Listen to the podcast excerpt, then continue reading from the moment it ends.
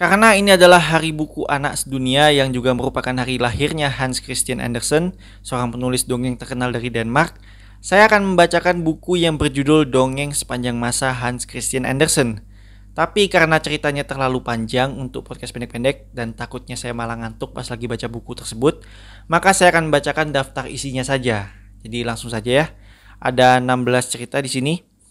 Gadis penjual korek api, nyanyian burung bulbul, sepasang sepatu merah, koper ajaib, kasih ibunda, cinta sejati putri duyung, anak itik buruk rupa, nenek, Hans Kikuk, keluarga bahagia, serdadu timah yang berani, orang tua selalu benar, burung bangau, si kecil tiny, balada gasing dan bola, sebelas angsa liar.